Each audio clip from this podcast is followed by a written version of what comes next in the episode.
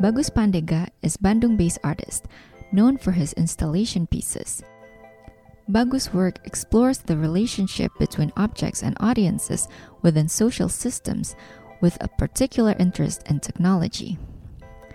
Bagus' intricate electronic system and circuits that interact with movement, sound, and lighting. His work actively engage the viewer, creating a personalized experience within the interaction. Yesteryears is a kinetic installation consisting of three 3D printing machines. These machines print sculptures made of mud that has been sourced directly from the site of Sidoarjo mud flow, now popularly known as Pulau Lusi or Lumpur Sidoarjo. These sculptures are based on memories of architectural ruins and destroyed houses that the artist collected from local residents. In a manner echoing Sisyphean task, each day, the machines construct a house, which is then destroyed, with the mud recycled for the construction of houses in the following days.